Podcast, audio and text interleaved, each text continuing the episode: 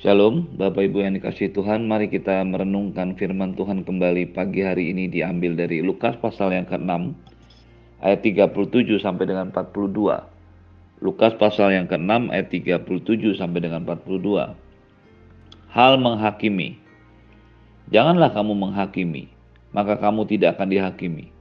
Dan janganlah kamu menghukum, maka kamu pun tidak akan dihukum. Ampunilah dan kamu akan diampuni berilah dan kamu akan diberi.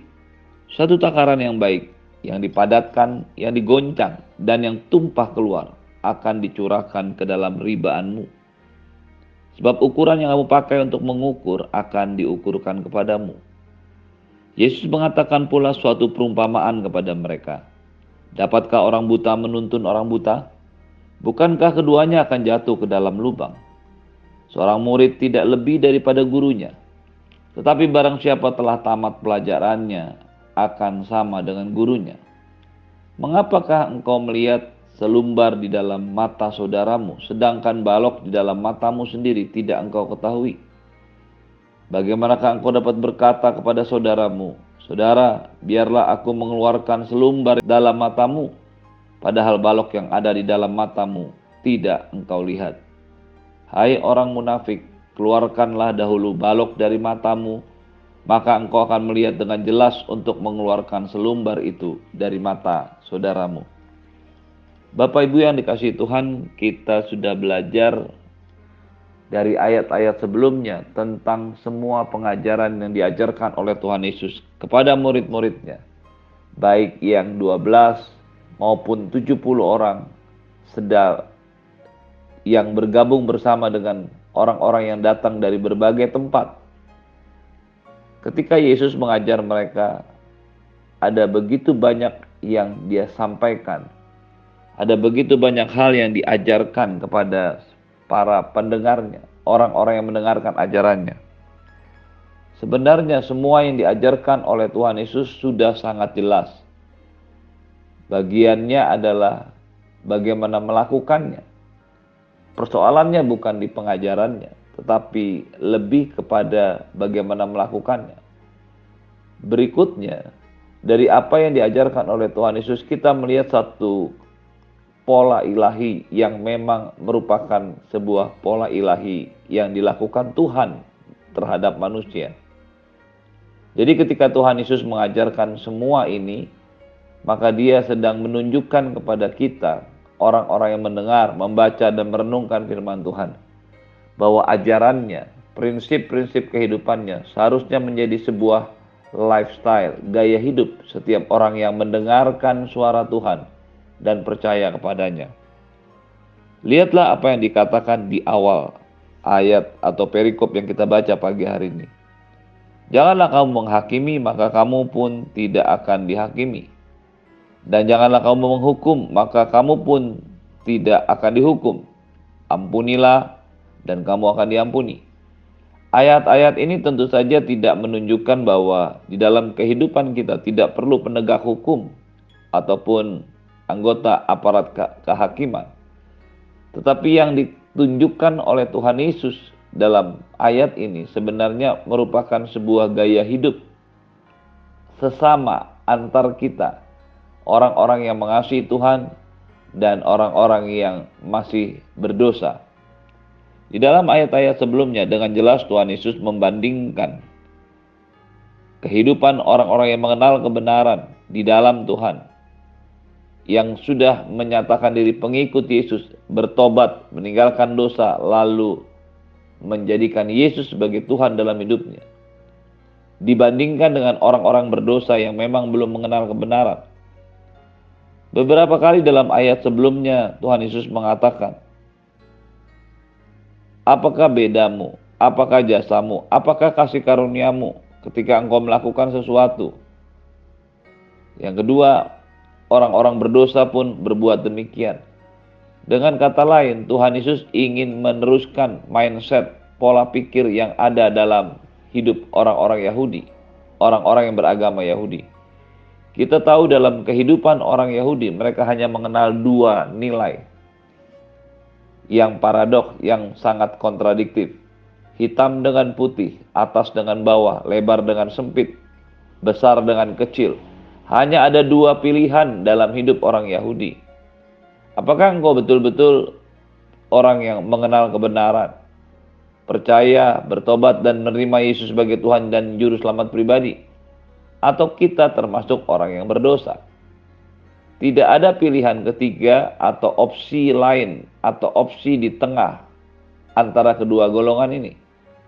Ketika seorang berdosa menyatakan diri adalah orang berdosa, lalu bertobat, datang kepada Yesus dan meninggalkan dosanya. Lalu Tuhan Yesus dan juga Roh Kudus tinggal dalam hidup orang itu.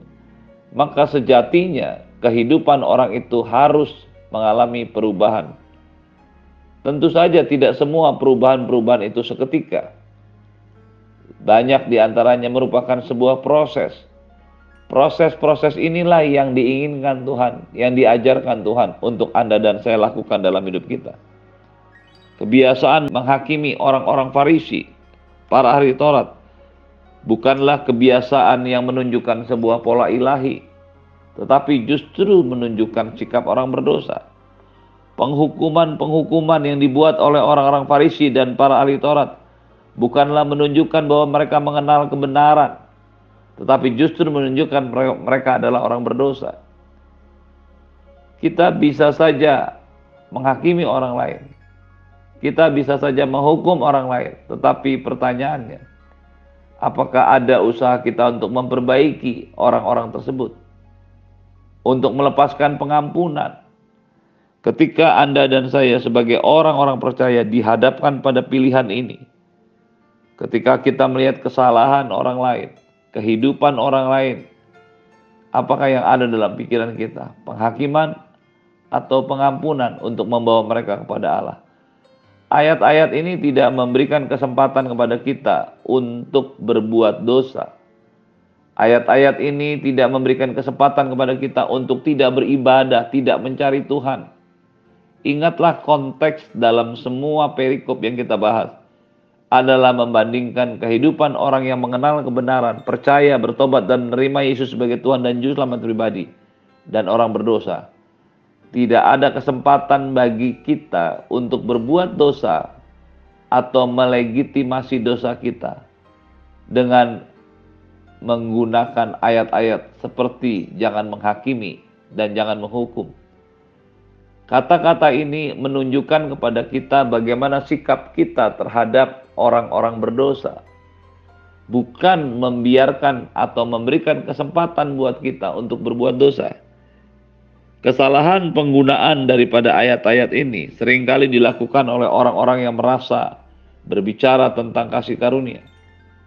Di ayat-ayat sebelumnya kita sudah membaca bahwa kasih karunia yang diajarkan oleh Tuhan Yesus adalah kasih karunia yang sejati, yang bukan hanya menerima, membicarakan tentang bagaimana menerima kasih karunia Allah. Tetapi lebih daripada itu, setiap orang yang sudah menerima kasih karunia Allah juga seharusnya memberikan kasih karunia kepada orang lain. Dan ketika kita memberikan kasih karunia kepada orang lain, maka kita harus bersedia untuk mengampuni, tidak menghakimi dan berdoa bagi mereka. Lihatlah apa yang dikatakan oleh Tuhan Yesus. Jangan kamu menghakimi, jangan kamu menghukum, jangan kamu tidak mengampuni, justru ampunilah mereka. Ketika kita membawa sikap hati yang benar untuk mengampuni orang, sering kali kita merasakan suatu beban yang terlepas dalam hidup kita. Karena sebenarnya pengampunan adalah sebuah pola hidup ilahi. Seringkali kita bertemu dengan orang-orang yang sulit sekali, bahkan tidak bisa mengampuni orang lain. Ketika Anda dan saya mengenal Allah, maka sifat-sifat Allah juga ada dalam diri dan hidup Anda. Dan mengampuni adalah salah satu sifat ilahi, salah satu sifat Tuhan. Ketika Anda dan saya memiliki Yesus dalam hati kita, maka kita bisa mengampuni. Seberapapun pahitnya hidupmu, seberapapun sakitnya perlakuan yang kau terima. Pagi hari ini, ketika engkau menyadari bahwa ada kehidupan ilahi dalam dirimu, Ada Yesus dalam hatimu. Ada Roh Kudus tinggal dalam hidupmu. Maka mengampuni adalah sebuah hal yang bukan tidak mungkin. Sesuatu yang memang juga tidak mudah, tetapi sebenarnya ketika engkau menyadari bahwa engkau dan saya adalah orang-orang yang sudah diampuni, maka mengampuni merupakan sebuah gaya hidup ilahi, gaya hidup kekristenan. Berilah dan kamu akan diberi. Suatu takaran yang baik yang dipadatkan, yang digoncang dan tumpah keluar akan dicurahkan ke dalam ribaanmu. Sebab ukuran yang kamu pakai untuk mengukur akan diukurkan kepadamu. Dengan tegas Alkitab mengajarkan pada kita untuk memberi.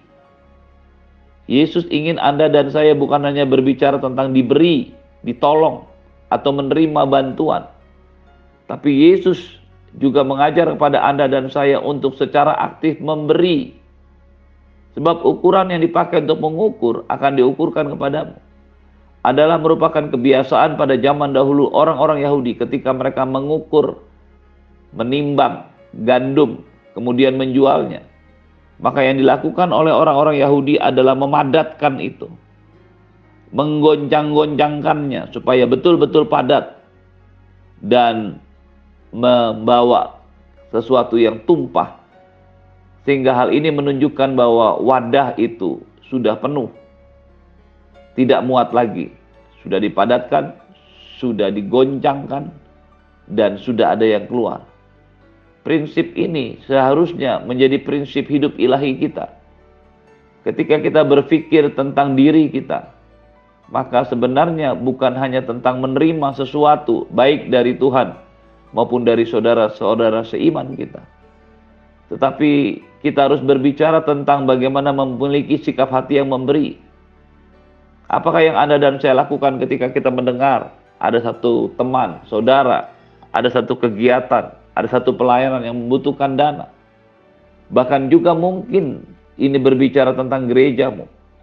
Berapa banyak jemaat yang berpikir tentang keuangan gereja, bagaimana menopang, mendukung, dan menambahkannya, ketimbang berpikir tentang apa saja yang bisa gereja berikan kepada kita. Pagi hari ini Alkitab mengajar kepada kita sebuah inisiatif awal yang harus ada dalam diri kita. Sebuah tindakan yang nyata ketika Anda dan saya memiliki Yesus dalam hati dan hidup Anda. Ketika Roh Kudus tinggal dalam hidup kita, maka sifat-sifat ilahi itu juga yang harus muncul dalam diri dan hidup kita. Yesus mengatakan satu perumpamaan kepada mereka, dapatkah orang buta menuntun orang buta? Bukankah keduanya akan jatuh ke dalam lubang? Seorang murid tidak lebih daripada gurunya, tapi barang siapa telah tamat belajar, ia sama dengan gurunya. Apa yang ditunjukkan oleh Tuhan Yesus? Bahwa dia bukanlah orang buta yang menuntun pada orang buta. Apa yang diajarkan kepadanya adalah sesuatu yang dikerjakan, dilakukan. Saya ingat betul ketika saya pertama kali melayani Pembimbing rohani saya selalu mengingatkan saya, jangan pernah khotbahkan sesuatu yang tidak pernah kau lakukan. Khotbahkan sesuatu, ajarkan sesuatu hanya kepada segala sesuatu yang sudah engkau kerjakan dan lakukan dalam hidupmu. Jika tidak, semuanya akan menjadi sia-sia. Ketika kita mendengarkan orang buta dan mengikutinya, sementara kita juga buta, maka kita berdua akan sama-sama masuk ke dalam lubang. Tetapi ketika Anda mendengarkan orang yang melek, orang yang matanya terbuka, seperti Tuhan Yesus, para pemimpin rohani yang matanya terbuka, maka Anda dan saya mengikuti dia. Seringkali kita mendengarkan, berpikir bahwa apa yang diajarkan, apa yang dikatakan orang lain, tidak cocok dengan hidup kita. Karena kita merasa kita lebih tahu, kita lebih pengalaman, kita lebih dari mereka yang pernah mengajarkan itu. Itulah sikap hati orang yang tertutup matanya, orang yang buta. Sebaliknya ketika Anda dan saya memiliki sikap hati yang terbuka, menyadari kebutaan, ketidakmampuan kita untuk melihat, lalu datang kepada Tuhan, maka kita akan melihat bagaimana dia menuntun dan memimpin hidup kita. Ketika Yesus mengajarkan ini, dia sepertinya mengajak kepada Anda dan saya untuk melihat apa yang dia lakukan Apakah yang diajarkannya hanya berupa sebuah pengajaran teoritis? Atau apakah yang diajarnya merupakan sebuah tindakan nyata? Ayat-ayat yang kita baca sekali lagi menunjukkan bahwa dia sudah melakukan itu. Mengapakah engkau melihat selumbar di mata saudaramu sedangkan balok dalam matamu sendiri tidak engkau lihat? Bagaimana mungkin ini terjadi ketika Anda dan saya memiliki sikap hati, mata yang terlalu sensitif terhadap kesalahan orang lain? Sementara ada begitu banyak kesalahan yang sebenarnya sedang terjadi dalam hidup kita. Bertobatlah, keluarkanlah balok dari matamu, baru engkau dapat melihat dan mengeluarkan selumbar di mata saudaramu. Tanggung jawab setiap Anda dan saya pada akhirnya akan berdiri di hadapan Tuhan untuk kita pertanggungjawabkan. Hidup Anda dan saya, kumpulan keputusan yang Anda dan saya ambil, satu kali kelak akan kita bawa kepada Tuhan dan diperhadapkan untuk dipertanggungjawabkan. Pastikan Anda dan saya memiliki sikap hati yang siap untuk mempertanggungjawabkan semua yang Anda dan saya lakukan. Bagaimana supaya kita bisa melewati hal ini dengan sukacita? Belajarlah untuk berinisiatif, tidak menghakimi, tidak menghukum, memberikan kasih, memberikan diri kita, memberikan pengampunan, memberikan waktu, tenaga, apa pun yang kita bisa berikan, memberikan uang kepada siapa yang membutuhkan. Apa pun itu, lakukan. Maka kehidupan ilahi itu akan terpancar dalam kehidupanmu. Terimalah berkat yang berlimpah dari Bapa di surga, cinta kasih dari Tuhan Yesus, penyertaan yang sempurna daripada Roh Kudus menyertai hidupmu hari ini dan sampai selama-lamanya. Di dalam nama Tuhan Yesus semua yang percaya katakan amin. Shalom.